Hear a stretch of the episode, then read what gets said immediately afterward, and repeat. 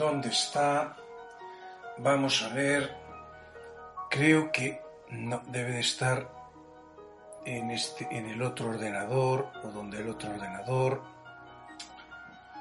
¿Dónde corcholis me ha metido Hinoko? A ver si está por aquí. Eh, tenéis que perdonar que estoy buscando en este momento un librete que es del libro precisamente del que vamos a hablar hoy. Pero es que no sé dónde me lo ha metido Hinoko. A ver si me lo ha metido donde estas cosas del 20 aniversario de The Shield. Pues no. No está por aquí. Eh, por... No, aquí tampoco. Pero bueno, me ha desordenado todo esto. Más que... Un momento. Pues no sé.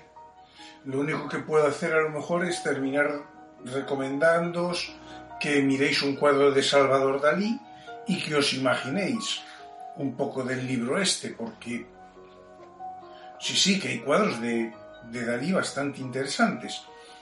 Eh, bueno, también escuchar la música de Debussy puede estar bien o ser interesante. Vi un día una foto de, este compositor con un perro y su hija, creo. Bueno, vamos a empezar con el programa en cuanto encuentre el libro.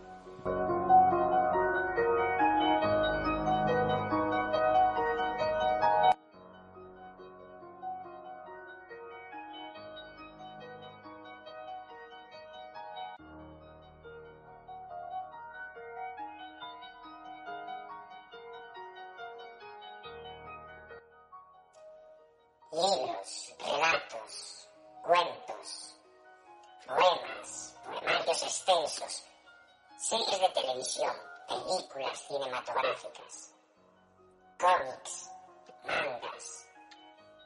Bienvenidos al podcast Anna Balaina, vuestro podcast literario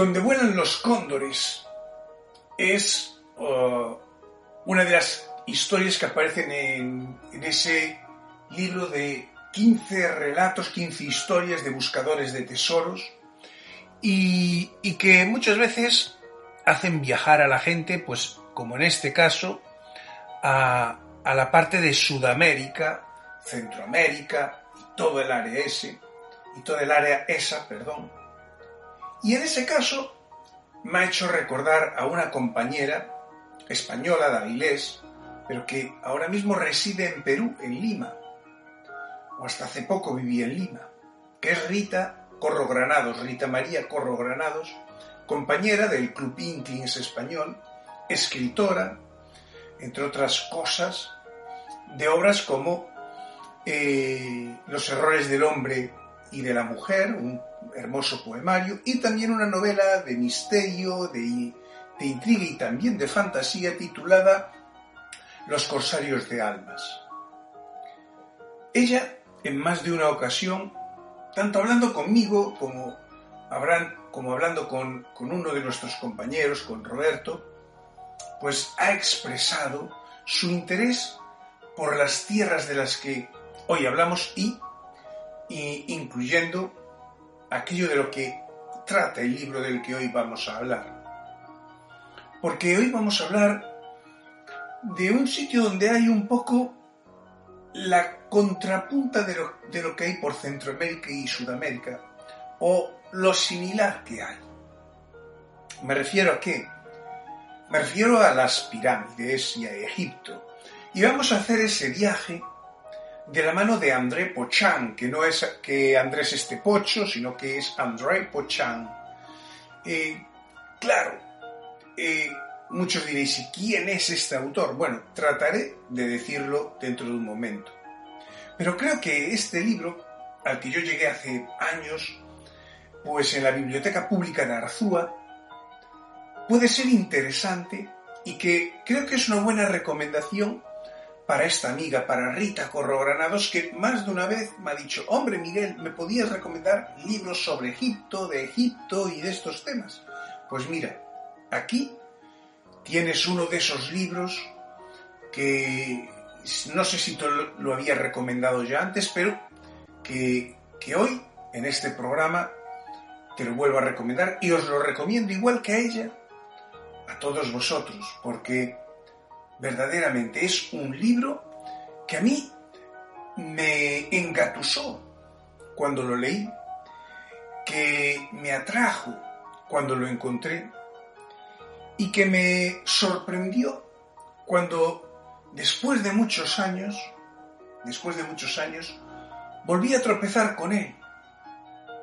Ya eh, en una situación de expurgo, estaba siendo expurgado. Casi, casi decía yo que la Inquisición se estaba cebando con él, y es una pena que estos libros muchas veces se olviden.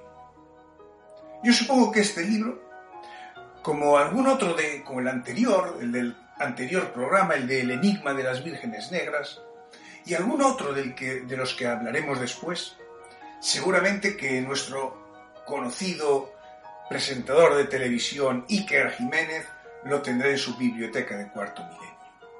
En fin, estad atentos al programa que ahora empezamos.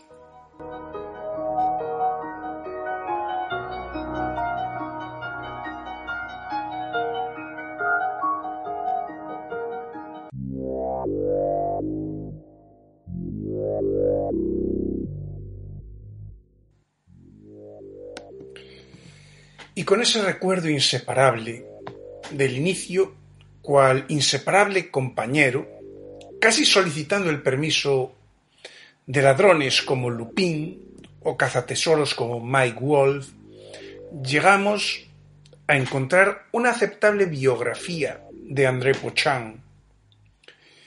Es un autor nacido el 5 de julio de 1891 en Formis, Francia, y fallecido el 4 de febrero de 1979. Tenía un servidor dos añitos. Fue un físico y matemático francés, entusiasta de la egiptología. Enseñó en la escuela secundaria de El Cairo de 1930 a 1937. En 1934 investigó la coloración de las pirámides de Khufu y Cafre. Y entre sus libros podemos encontrar el libro que hoy tratamos, El enigma de la Gran Pirámide, y también The Mysteries of the Great Pyramids, The Luminous Horizons of Khufu. Y claro, esto en un principio es lo que, lo que llegó a nosotros. Por supuesto, seguramente, seguramente que si vosotros rebuscáis, profundizáis como buenos investigadores que sois, seguro que encontraréis muchos más datos y muchas más cosas que, que lo que hemos podido nosotros encontrar.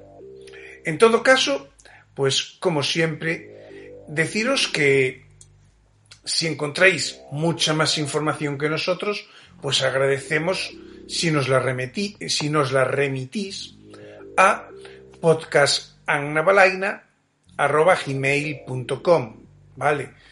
Es de, es de agradecer cuando nos llega información de autores de los que hemos hablado o de los que eh, hablaremos incluso en un futuro, porque, o que ya, mejor dicho, de los que ya hemos hablado y de los que hemos dicho que volveremos a hablar en un futuro, pero que a lo mejor lo que teníamos nosotros o la biografía que habíamos dado nosotros era pobre y escasa.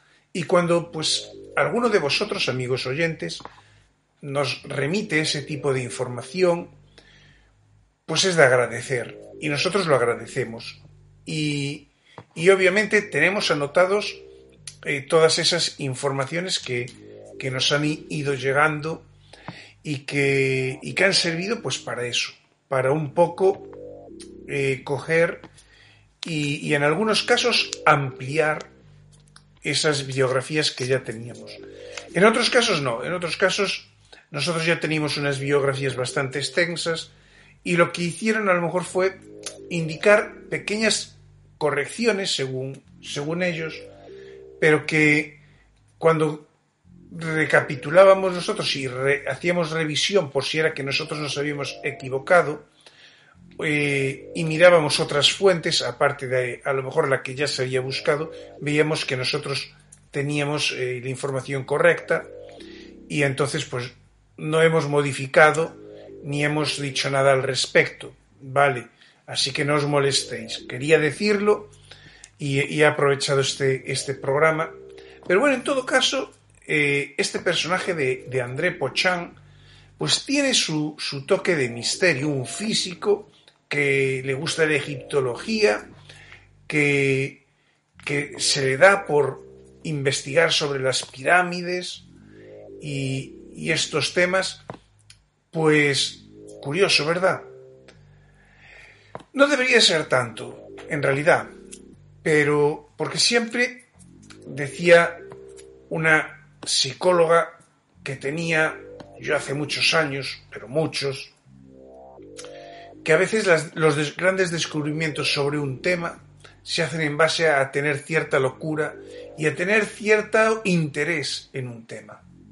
Pues ahí está que, que André Pochan tiene ese cierto interés en la egiptología porque eh, le llamaron la atención las pirámides, la posición que tenían, etc.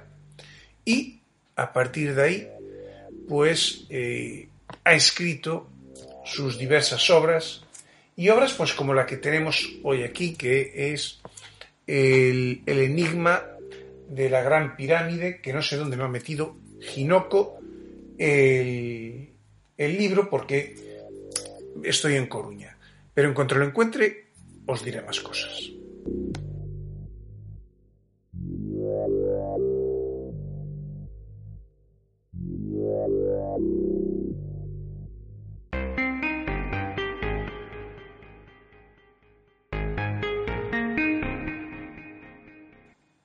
Bueno, amigos oyentes, deciros que que ya me ha traído Inoco, me lo he entregado el libro este del enigma de la gran pirámide de André Pochan. Y, y tengo que empezar diciendo lo siguiente, lo siguiente. Eh, muchas veces encontrarse con libros de temas como estos es eh, como el que está sentado eh, junto a una hoguera, escuchando historias, y, escucha un montón de historias de grandes tesoros, de grandes... Pero de repente una de esas historias eh, que especifica dónde encontrar un gran tesoro, como dirían los conquistadores cuando fueron a, tierras de Centroamérica y, y, de Sudamérica, ese El Dorado, pues muchos al, rey, al leer o escuchar más bien esos relatos, sentirían y sienten ese zarpazo de la codicia en el pecho. Y claro, tratan inmediatamente de buscar colaboradores, gente que les ayude en esa misión. Porque muchas veces incluso se creen que es una misión vital conseguir eh, encontrar ese tesoro. Ese tesoro que a lo mejor el tesoro es aquello que uno mismo ya está viendo. Y no hay nada más. No hay oro ni joyas. Simplemente aquello que uno está viendo, esa construcción, ese edificio, que no quita que a lo mejor hay otros tesoros en su interior. Y claro, es en esas ocasiones cuando uno se lanza. Pues se lanza valientemente ¿eh? y, y siempre terminando volviendo en retirada, con grandes derrotas en esa búsqueda. Y es por eso que a veces libros como este de, de André Pochan pues permiten que a lo mejor no se vuelva con, con ese sentimiento de derrota eh, y que no nos pase un poco como a Pizarro, que sí consigue llegar a nuevos mundos, sí consigue llegar a muchos lugares de Sudamérica, conquistar, conseguir oro, pero ese fabuloso El Dorado no se consigue, no se encuentra. Creo que tal vez del libro este de, de 15 mm, historias de buscadores de tesoros, el relato perfecto que tendría que venir con, con este relato sería el del ladrón y el faraón. Sería quizá eh, la historia más correcta, más acorde.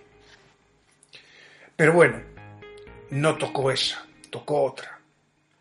Y tocó otra gracias a que eh, llegó el recuerdo de esa compañera nuestra que, es Rita, que además eh, creo que, está el día 4 de, este mes de cumpleaños. ¿Qué decir de este libro? Primero decir que, bueno, tiene un montaje de, de imagen en la portada, es de la colección Realismo Fantástico, de, de la editorial Plaza y Janés, y si uno mira el índice, ve que va a estar dividido en el prólogo, eh, donde se hablará también quién es Keops, etimología de la palabra pirámide, y luego los temas principales.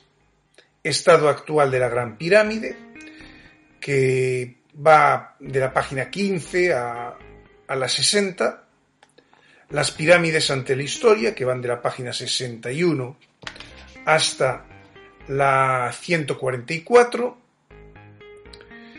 la epidemia piramidal, que va de la página 145 a la 158, los autores modernos, que va de la página 159 a, a la 230, los grandes enigmas, de la 231 hasta la 260, las vicisitudes de la Gran Pirámide, de la 261 a la 277 o 78, el retorno a los orígenes, de la 279 a la 308, y bueno, y luego una conclusión en la página 309.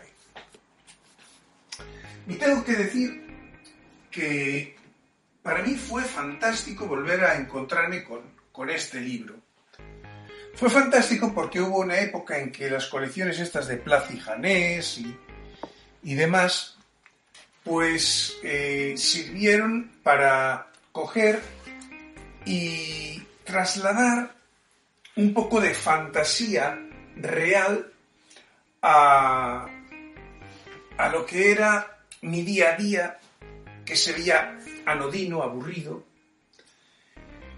Y lo bueno de estos libros también es que son como los peregrinos. Sí, amigos, son como los peregrinos. Dejad que me quite la chaqueta porque esto tiene su enjundia. Y este libro, concretamente, es un peregrino en sí mismo. Y me diréis vosotros, ¿en qué sentido? En que a medida que uno va leyendo, uno piensa que tal vez se va acercando más a un conocimiento profundo de, de lo que es la gran pirámide. Y uno puede llegar incluso a ese convencimiento. Y sí, hay muchos datos, hay muchas explicaciones, hay una gran capacidad instructiva por parte de, de André Pochan, por algo eh, se decía en la biografía lo que se decía de él. Pero eh, también es cierto una cosa, muy que como los peregrinos, muchas veces podemos tener también nosotros y los libros también muchos datos para encauzar un camino. Y sin embargo, no será ese el camino que deberíamos de entender así, que deberíamos de seguir. Muchas veces, incluso, en muchos de estos libros han dado a entender cosas erróneas, muy fantásticas, muy fantasiosas, con respecto, pues en este caso, a la Gran Pirámide. Recuerdo que leí este libro hace, pues yo tendría, pues, 16 años, una cosa así. Eh, pues imaginaros un chaval de, de instituto que llega a la biblioteca, le gusta leer libros y va por las estanterías y el primer libro que le sale lo coge y es este. Y lo lee, toma sus notas y eso, y de repente eh, descubre una película y en esa película utilizan eh, más o menos estos datos que transmitía, o gran parte de, este, de estos temas que transmitía André Pochan en este libro, junto a otro tema que también vinculado a la Gran Pirámide, que es el tema ovni, el tema de, otros mundos, de, otras de civilizaciones intergalácticas y estas cosas, que se juntaban ambas cosas y eh, terminaba siendo una película de fantasía, terror, una cosa... Pero estaba ahí y plantaba una semilla la película. Y, te dabas cuenta en esa película que había el eco de estos, de, de textos como, de obras como esta de André Pochan. Claro, un chaval como yo diría, entonces, si uno se pone y coge un fragmento, un pequeño fragmento, para sacar todo lo que ha sacado, pues, o creo que era una película de dos horas, dos horas de película de, de eso, pero de fantasía, pura fantasía, que luego imaginaros que todo, todo el desconocimiento que hay, eh, o sea, todo el conocimiento escrito que hay de las pirámides, desaparece, pero queda solamente la parte visual, la parte grabada en vídeo, la parte cinematográfica, y uno va a decir, ostras, pero que había en la pirámide, que parece el portal a otro mundo, un, un Stargate, un, ¿qué, ¿qué pasaba ahí?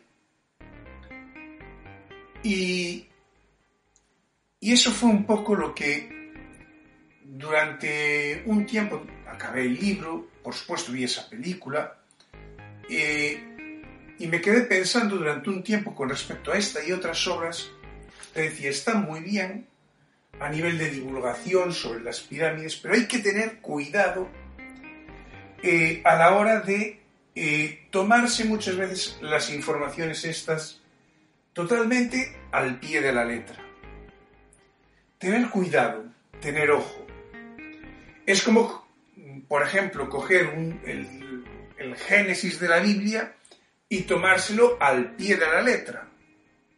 No, señores míos, lo siento, pero eh, un texto, son textos escritos para las gentes de una época que tenían unos conocimientos apropiados para aquella época, no los conocimientos actuales. Y no podemos pensar desde el punto de vista actual, pues lo que vendría eh, o lo que habría ahí. En aquella época había más el sentimiento del mito, de lo legendario. Ahora somos más de ciencia. ¿eh? Pero a veces, para hacer entender la ciencia, y, eso André Pochan lo hace muy bien, para hacer entender la parte científica de, del estudio de, la Gran Pirámide, eh, André Pochan lo hace muy bien dándole una vuelta hacia la parte mítica y explica esa parte científica desde la parte mítica de, de la pirámide. Y, y eso, eh, la verdad, sí que engancha bastante al lector. Pero claro, puede dar pie a ese, ese otro, o esa, esa otra forma de ver. Lo bonito, lo cierto, es que este libro da eh, claramente la imagen y, permite eh, el claro reconocimiento de que la pirámide, las pirámides, la esfinge, eh, esa civilización egipcia de una época, tiene algo especial, algo muy particular. Quizá no tanto si miramos hacia eh, el continente americano, eh, pero sí que tenía algo, o si pensamos en, en la idea de la torre de Babel, en la Biblia, en cierto sentido las pirámides eran construcciones que se alzaban hacia lo alto, hacia los cielos, como la torre de Babel. Curiosamente, eh, los egipcios no vieron dividido su idioma en múltiples lenguas eh, y los mandaron a cada uno por un lado del mundo. Pero sin embargo sí es cierto que eh, los egipcios de los eh, países que había en la época y reinos que había en la época vecinos terminaron captando gente. Curioso. Gente que incluso muchas veces hablaba lenguas distintas. Y todos los ponían ahí a trabajar en, la gran pirámide. Constructores, eh, conocedores de, todo orden de cosas. Leer este libro de André Pochin me recordó también otra cosa que os, que os recomiendo. Una de las aventuras de, de Asterix y Obelix que era, creo recordar que era Axteris en Egipto. Creo recordar que era, era así el título. Y, y, estaba la cosa en torno a, a las pirámides y a la forma de construir las pirámides. Creo que siempre hay elementos que, que dejan a uno y que apasionan a uno respecto eh, de un de un tema. Curiosamente, eh, dice aquí, hay una parte que pone las opiniones de J.P. Lauer sobre la Gran Pirámide. Y dice eh, que, dice, con respecto al libro de Lauer, dice, he aquí un libro necesario al mismo tiempo que excelente. Bueno, os lo recomiendo porque yo le he echado un vistazo el libro de Lauer, ¿vale? Así que entenderéis esto. He aquí un libro necesario al mismo tiempo que excelente. Se podría decir también de este. Si existe en arqueología egipcia una materia que tenga el privilegio de inflamar los espíritus más fríos, un dominio en el que se acojan de entrada con entusiasmo las imaginaciones menos razonables es, en la actualidad, lo concerniente a las pirámides. Y eso es cierto, y será siempre cierto, mientras las pirámides estén en pie. El día que desaparezcan las pirámides, pues pasará tal vez como con otras eh, obras que fueron parte de las maravillas del mundo y que hoy en día ya no existen, no queda nada de ellas, pues pasaría un poco lo mismo. Pero inflaman ese, ese anhelo de eh, conocer cómo se hicieron, qué secretos guardan, esa codicia del saber qué hay ahí, por qué se hizo, qué ocultaron ahí. Por eso todavía hoy Muchos investigan las, pirámides y en concreto la Gran Pirámide y todavía hoy siempre encuentran algún descubrimiento nuevo que hacer o redescubren algo antiguo, algo que ya se había descubierto en su momento, pero que no se le había dado quizá la relevancia que se esperaba. La relevancia que se esperaba. Claro, es cuestión de analizar diversos temas, diversos aspectos. Decía también que en el libro este dice también que se puede intentar, gracias al libro de los muertos y a los frescos de las tumbas, reconstruir, sin gran riesgo de error, las, ceremonias fúnebres que se llevaban a cabo durante la inhumación de un rey en el antiguo imperio. Para el pueblo egipcio profundamente religioso y místico, esta jornada era decisiva y transcurría en medio de una ansiedad exacerbada, muy próxima a la locura colectiva. Esta locura colectiva no ha sido solamente patrimonio de Egipto. En todos los lugares del mundo, aún en nuestros días, asistimos a escenas inverosímiles provocadas por el misticismo político o religioso de las muchedumbres. Y pasa, y es cierto, eh, curiosamente, esto que dice André Pochán en el libro, este pasa realmente a nivel religioso, eh, esa locura exacerbada a nivel religioso se ve cuando pues eh, cada dos por tres hay el loco de turno que crea o monta una guerra santa. A nivel religioso pasa. No es lo único. A nivel político, siempre hay un Hitler que pueda aparecer por ahí. Perdón, para los alemanes. En la actualidad, pues mira, eh, eh, aunque no se mueve mucho, tenemos ahí por Corea del Norte uno, tenemos ahí metido a Putin, que se, ha metido, se le ha metido el gusanillo imperialista, y quiere recuperar un imperio antiguo. Pero los imperios antiguos son antiguos, tienen que quedar en el pasado, se tienen que estudiar en el presente, como la Gran Pirámide, a través de libros, a través de historias, a través de la literatura o de la fantasía o del cine o de... Pero no es recuperable, porque no se puede recuperar.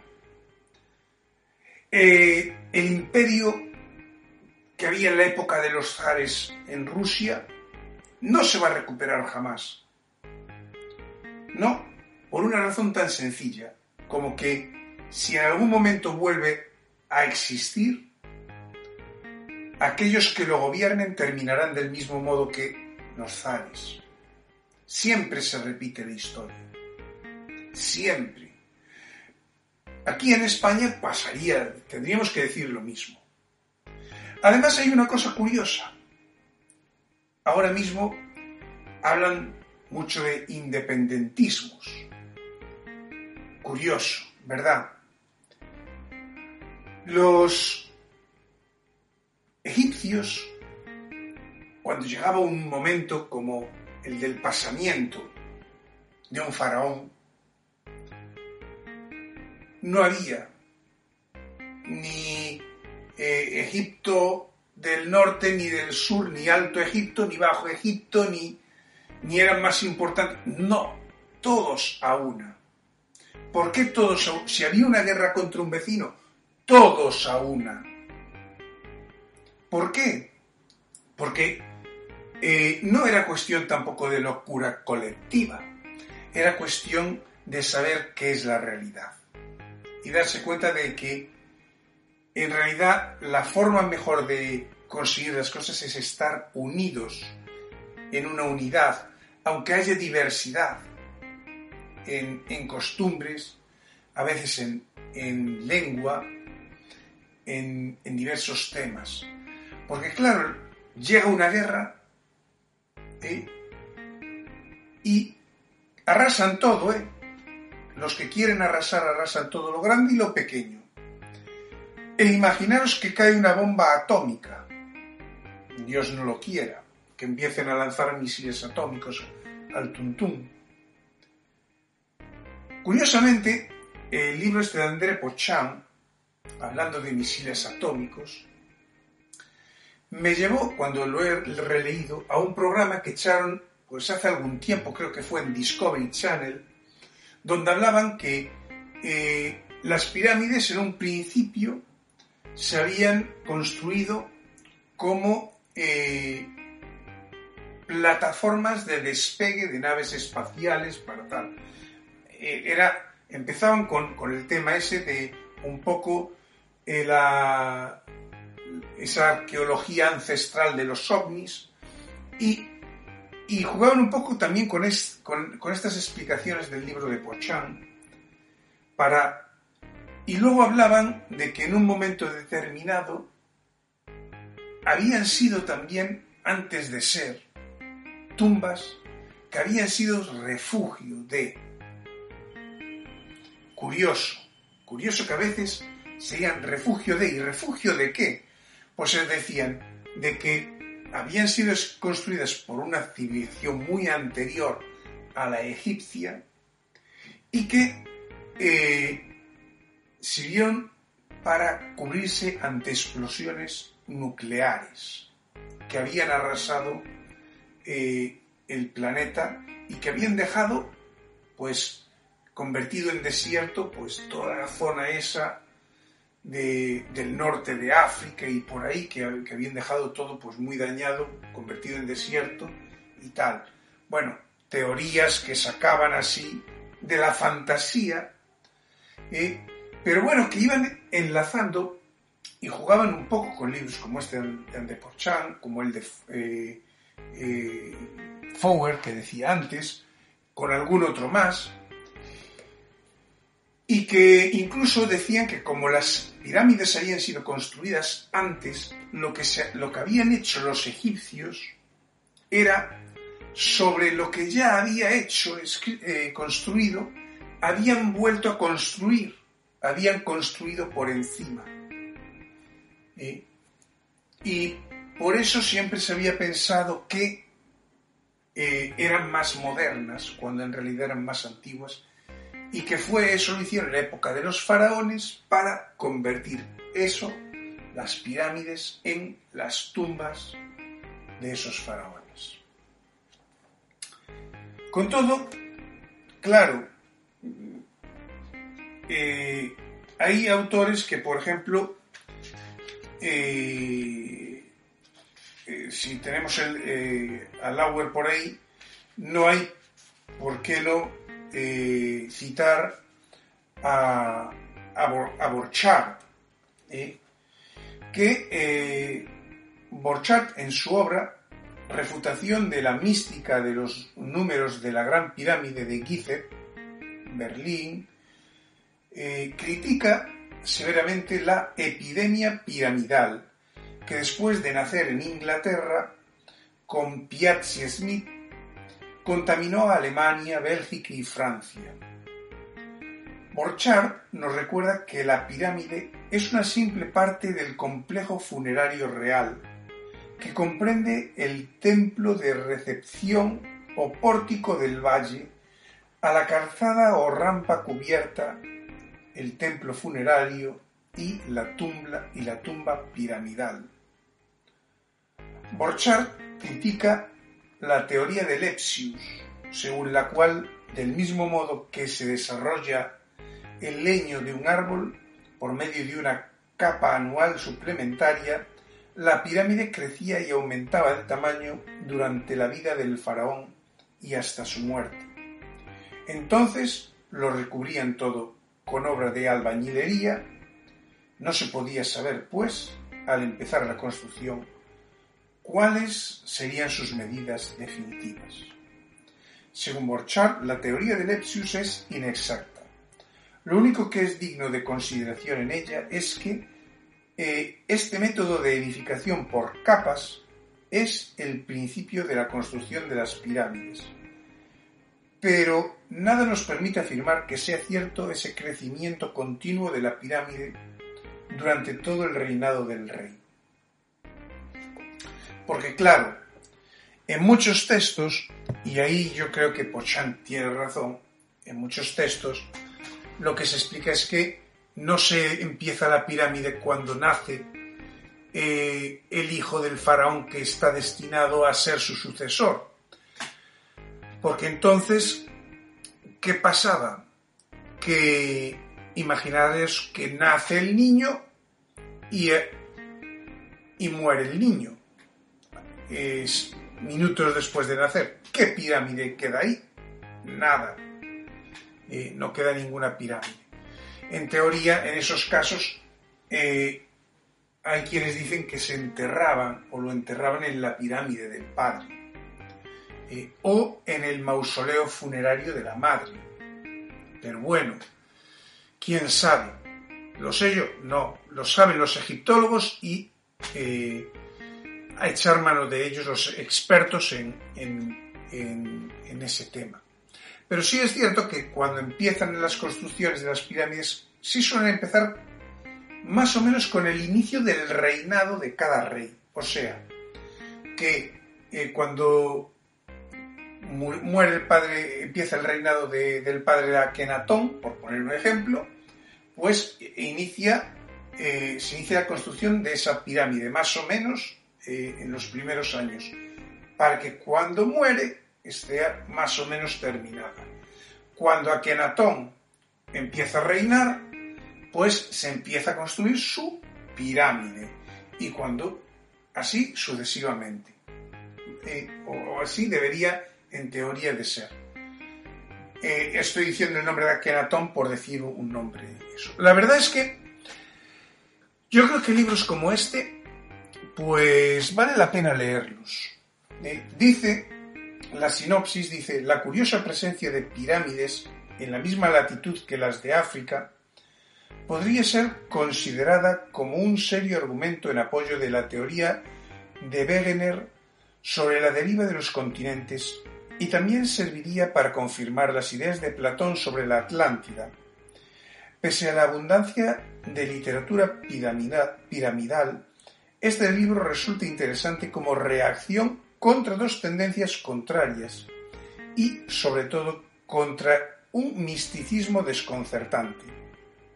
Centrado en la Gran Pirámide, el autor trata de responder especialmente a esta pregunta. Y esta os la, os la hago yo también a vosotros. ¿Hasta qué punto encierra secretos entre sus muros? ¿Por qué? ¿Por qué digo que más o menos voy a terminar el comentario con esto. Esto viene a, a, decir lo que hace un poco al inicio de, de esta parte del comentario decía. Decía que a veces los tesoros no es lo que está oculto en, en el interior, que sí, que tal vez, sino que a lo mejor el tesoro es aquello que ya estamos viendo. Y en el caso de las pirámides, de la Esfinge, de un montón de monumentos arquitectónicos, lo, el tesoro es eso que ya estamos viendo. Y con lo que estamos viendo también una vez que entramos dentro, también lo que hay en las paredes inscrito, pintado, etc. Eso es el tesoro. ¿Por qué? Porque eh, el tamaño de, en este caso de la Gran Pirámide, da idea de una gran magnificencia de, una construcción. Los grabados, las pinturas, los textos que hay dentro nos hablan de una cultura, la egipcia, de cómo era, de cómo era su vida, de en qué crea, en qué creían, cuáles eran sus creencias. En fin y al cabo, en definitiva, el tesoro era la cultura de esa civilización. Más que el oro y las joyas, que también son tesoros per se, claro que sí, pero en las joyas tú, cualquiera de nosotros dice, mira, vas a encontrar un tesoro y pues ay, te frotas los dedos, te entra la codicia, eh, te pasa como a los conquistadores cuando si fueron a un nuevo mundo y les hablaron del dorado. Y claro, por eso hubo muchos saqueadores de tumbas, por eso muchas veces las, las pirámides y así tenían muchos recovecos, muchas trampas, trampas reales y trampas que eran más bien como laberintos. ¿eh? Jugaban también a veces con una idea de laberinto, de entrada, de salida. ¿eh? Entonces, eh, y del miedo. Muchas veces, aunque fuera recto, todo recto, entrada y salir, el temor de lo que habría en el fondo, del, del más allá, de, ese, de esa idea mística de, pues también eh, creaba esa sensación de agobio, de terror, de pavor, que eh, podía hacer que a lo mejor eh, ese ladrón de tumbas se desorientase, aunque fuera, aunque fuera en línea recta, dentro de una pirámide, como la gran pirámide, y terminase pensando que va cara afuera cuando está volviendo para adentro. Así que, en fin, eh, yo creo que, es un libro este muy bueno. Un libro de estos que, como ya he dicho, en algún caso, por algún otro, es una pena que dejen de estar en bibliotecas. Es una pena y, a mí me entristece mucho cuando llego a bibliotecas y que yo sé que, que había X libro y pregunto por ese libro porque lo quiero retomar, lo quiero releer o, lo quiero recomendar y ya me ha pasado unas cuantas veces. Y me encuentro con que me dice el bibliotecario, la bibliotecaria o la persona que está encargada de la biblioteca en ese momento, me dice, no, no, es que ese libro no lo tenemos todavía porque fue expurgado y todavía no tenemos una edición actualizada del libro. Yo personalmente pienso que cuando se va a hacer un expurgo de, materiales, ya se debe de tener previamente el material actualizado o el libro actualizado, una edición actual del libro, o al menos una edición digital, para que no se pierda esa obra. Creo que sería lo adecuado siempre, la existencia de esa edición digital, para ya digo, que cuando sale el expurgo, pues porque la obra está eh, estropeada, porque a lo mejor es un libro, pues como puede ser este, de André Pochan, que, es una edición de, del año, pues no sé, 70, 70 y algo, 71, entre 71 y 76. Vale, ahí, eh, sí, esta edición es del 76. Es más viejo que yo este libro pues eh, tiene 47 años. Entonces, claro, un libro con 47 años se entiende, este está bastante bien. La edición esta que tengo yo aquí conmigo está bastante bien cuidada, pero en otras ocasiones no tiene esa suerte. Eh, entonces entiendo yo que pueda ser eh, que que no se pueda, que se tenga que expurgar por la edad, el paso del tiempo y tal, pero si es posible, antes de expurgarse, de hacer el expurgo, pues mm, asegurarse de que ya se tiene pedido, por ejemplo, pues del libro este del enigma de la gran pirámide de André Pochan, pues eh, un nuevo libro eh, en una edición actual, ¿vale? En una edición pues de 2019 o 2018 así que se haya reeditado. También es una pena que, editoriales tipo Plaza y Janés pues no vuelvan a reeditar este tipo de libros. De hecho, eh, hablaba con Ginoco y le comentaba yo, y os lo comento a vosotros y lo dejo caer así, que estaría muy bien que esta, esta, esta colección de Plaza y Janés, de, realismo fantástico, pues que saliera en un formato de coleccionable, de estos como los que sacan los de RBA y los de Salvat y todos estos, pues que estaría muy bien que este libro o esta, esta colección de realismo fantástico, estos libros, pues saliesen en, en, esa, en ese tipo de, de publicación, sobre todo para qué? Para que no caigan en el olvido y no desaparezcan. Porque claro, luego son expurgados y, y, y si no aparece gente como yo que lo recuerda, como mucho, a lo mejor son citados de vez en cuando en algún programa como Cuarto Milenio, y, y eso es, es, de agradecer que aparezcan citados en, en, en esos programas, pero y, y, en otros y, en podcasts que hay que también tratan sobre egiptología y demás, pues es agradable que eh, salga, salgan así estos libros. Así que mm, yo ya os digo, os invito a que, si es posible, pues lo busquéis. La portada a mí me ha gustado, ¿vale? Es una portada adecuada, una portada que creo recordar que, la, que, venía hecha por Domingo Álvarez, ¿vale? Creo que hizo todas las portadas de estos libros Domingo Álvarez, creo recordar, y hizo un buen trabajo, ¿vale? Una buena selección de, imágenes para, este tipo de, de obras.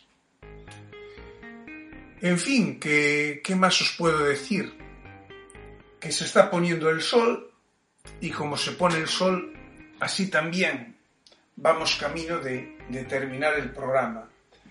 Bueno, os, voy a recomendar ya de paso, como estamos con esto, pues algún libro más de algún, de algún autor más eh, o algunos autores que os pueden parecer que puede parecer que pueden ser de interés si los encuentro. Pues mira, eh, ¿vale? Puede ser interesante. Eh, y ver también, pues, que algún otro por aquí había que yo había visto, eh, Lagrange, eh, David, David Davidson y algún otro más por ahí.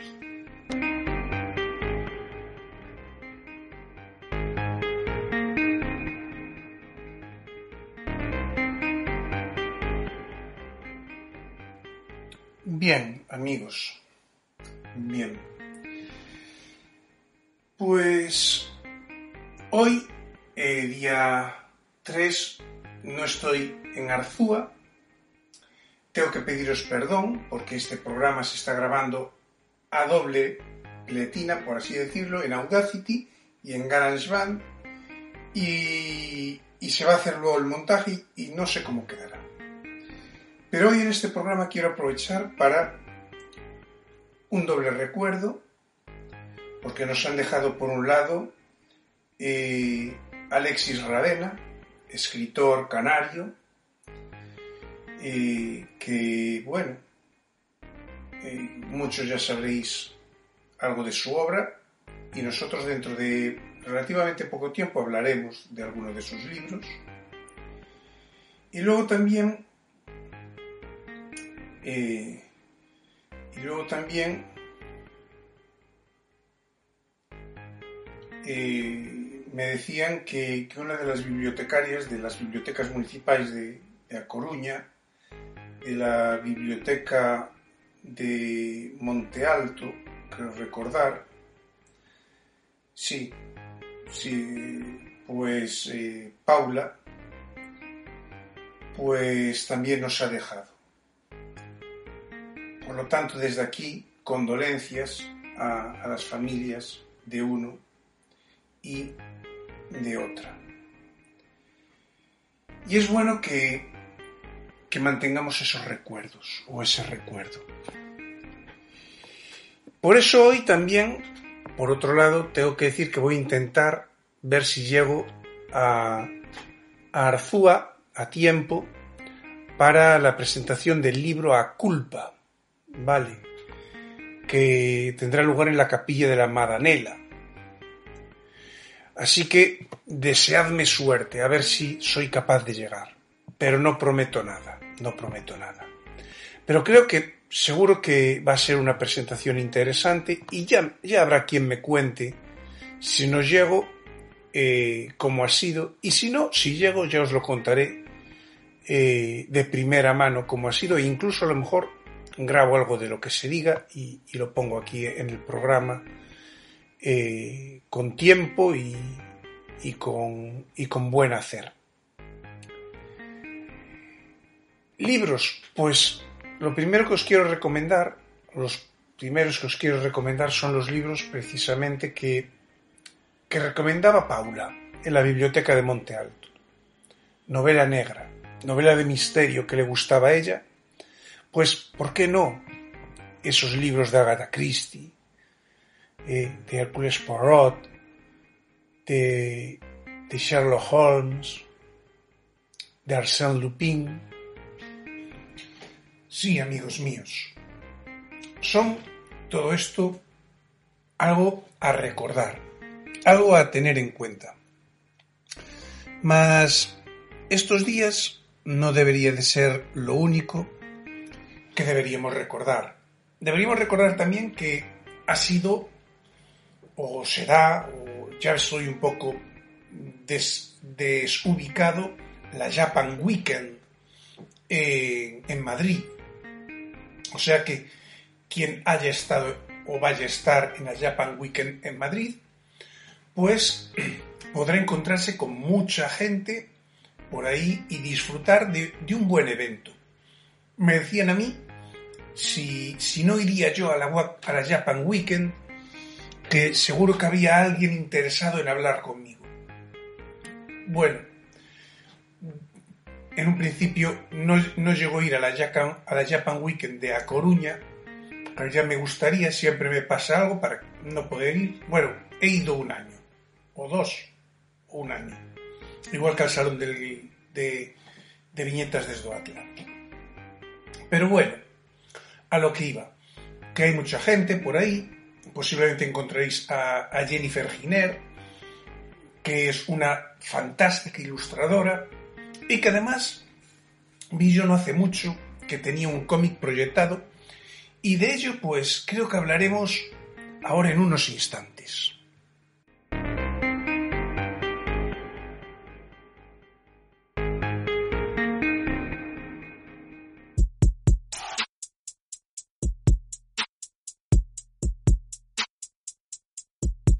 Como os decía, en la Japan Weekend pues os vais a encontrar a mucha gente interesante por ahí, con la que departir, a la que conocer.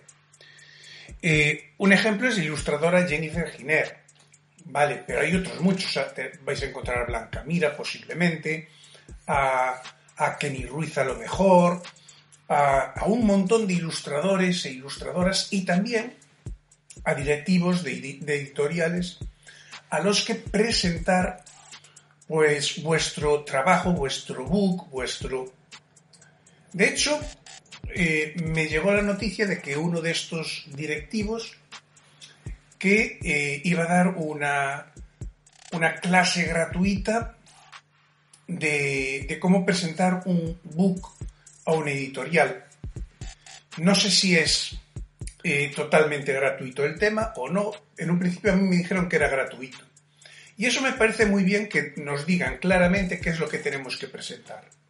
Y lo voy a decir desde mi perspectiva personal, porque a mí nunca me dijeron eh, qué era lo que tenía que presentar o cómo era lo que eh, había que presentar a la editorial, a una editorial, para poder publicar con ellos. No me lo dijeron nunca. ¿Y qué me pasó muchas veces? Que me di con la puerta en las narices, porque luego me pasaba como al protagonista de eh, Eraser, de la Dorama y demás al principio, que presentaba la editorial su manga, todo orgulloso de, de su trabajo, y la verdad tenía buena pinta, pero el editor le decía que, que no, que no, no valía ese producto, que necesitaba algo más, un plus más para, para ser vendible. Entonces, ya desde, desde un principio ellos estaban diciendo, mira, a nosotros nos interesa esto, esto, esto y de estas características, pues mira, eh, lo agradezco. Por tanto, Si podéis eh, atender, pues buscadlo.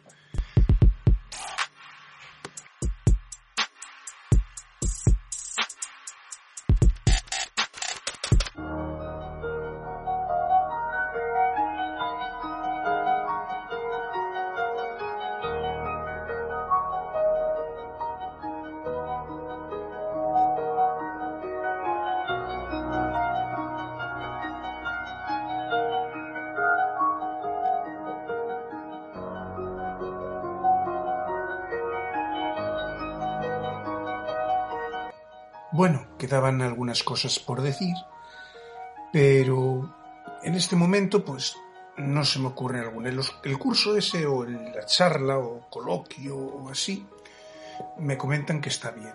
Así que os invito a que a que si podéis que la escuchéis. Creo que es de David Hernández o Hernando o algo así. Por otro lado, en cuanto al libro de hoy, también es una invitación a estudiar matemáticas, que siempre es interesante. Y luego decir que, he visto yo una colección de libros que, que está muy bien, que es la Enciclopedia de Temas Básicos del Instituto Parramón. ¿vale? Y hay de fotografía, de yoga, de astrología, de pintura, de cerámica, de astronomía, de joyería, de plantas de interior, de guitarra, de ajedrez, carpintería. Personalmente, los que a mí más me gustan son los de, los de fotografía, pintura, eh, el de astronomía, el de navegar pequeños veleros, el de guitarra y el de, y el de ajedrez. ¿Vale? Así que, pues si tenéis la oportunidad, echarles un vistazo. Luego una cosa, una curiosidad, que me comentan, me, comentan que hay pocos cursos de dibujo y que muchos que, que están dando por ahí cursos no tienen idea de lo que están enseñando. Bueno, no creo que sea así el caso, no creo que sea ese el caso, pero aun siendo así el caso, lo que uno tiene que hacer antes de anotarse a un curso de dibujo o a un curso de cualquier otro tipo es estudiar bien ese curso para ver si es el curso apropiado a lo que uno pues quiere aprender, quiere estudiar, quiere hacer. Yo creo que eh, la mayor parte de los casos pues falta información. El problema es la falta de información. Pero creo que eso siempre se puede subsanar. Por otro lado, me decían a mí que por qué no impartía yo algunos cursos como hacen otros eh, en YouTube de, de, dibujo, ¿vale? De dibujo de cómic, de dibujo de manga. Y yo le he dicho lo siguiente, si me dan el dinero para montar todo en, casa y poder dar el, eh, o, en, un sitio para montar y poder dar las clases, yo perfecto. Pero si no en un principio eh, mm, no lo voy a intentar. No lo voy a intentar porque ya hay mucha gente que hace muy buenos cursos. Entonces, lo que sí que haré, pues será en un próximo programa, no, no muy lejano, espero, os iré diciendo por lo menos los cursos que me han parecido a mí más interesantes para aprender a dibujar cómic a través de YouTube o, por lo menos como mínimo para aprender a dibujar con calidad. Que para luego, para dibujar, aprender a cómic, también hay que saber de guion y de narrativa y de otras cosas.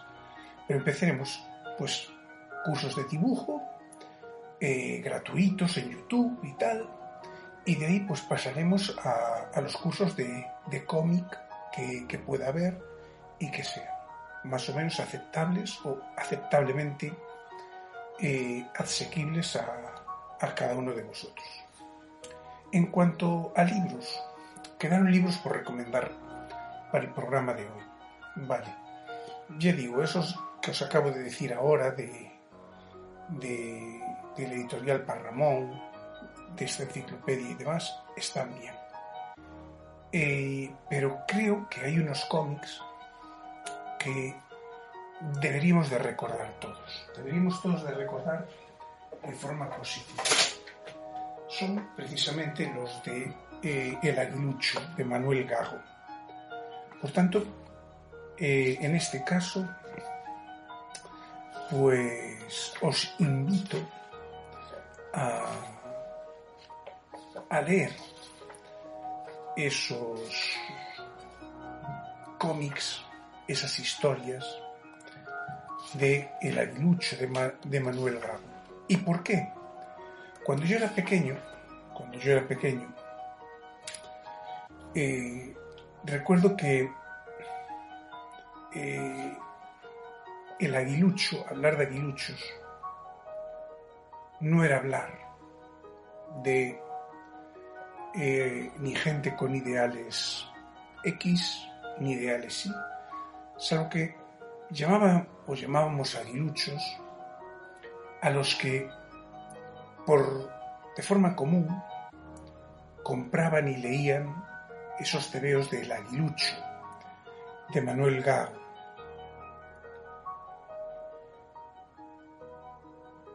Y la verdad es que el otro día, acompañado yo por Hinoco, pues claro, asaltó el tema este a cuenta de una publicación en internet donde hablaba de aguiluchos y de que no se veían aguiluchos en, en torno a cierto tipo de manifestación. Y recuerdo que le dije yo a Hinoco, le dije pues mira, en mis tiempos niños, aguiluchos eran esta gente, o éramos esta gente, los que leíamos las aventuras de este personaje, que era en un principio un estilo al príncipe valiente, o, o incluso un poco a Crispín de, del capitán Trueno. No ha hecho falta más de un siglo para que la sociedad haya olvidado esa verdad. Se haya metido en una especie de superstición, como el oro, ese el dorado, que se decía que estaba por las montañas de Perú. Tal vez esos aguiluchos eh, nacen de leyendas que confunden, que se confunden con la realidad. Y era algo que decía Bertrand Solet. A veces las leyendas se confunden con la realidad. Creo que en, en este caso hay una gran confusión entre el verdadero aguilucho y los aguiluchos que la gente se está creando ahora mismo.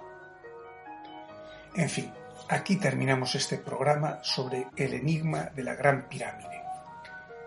Por mi parte, espero que estéis presentes en el próximo programa que será muy pronto. Así que aquí os espero, amigos oyentes.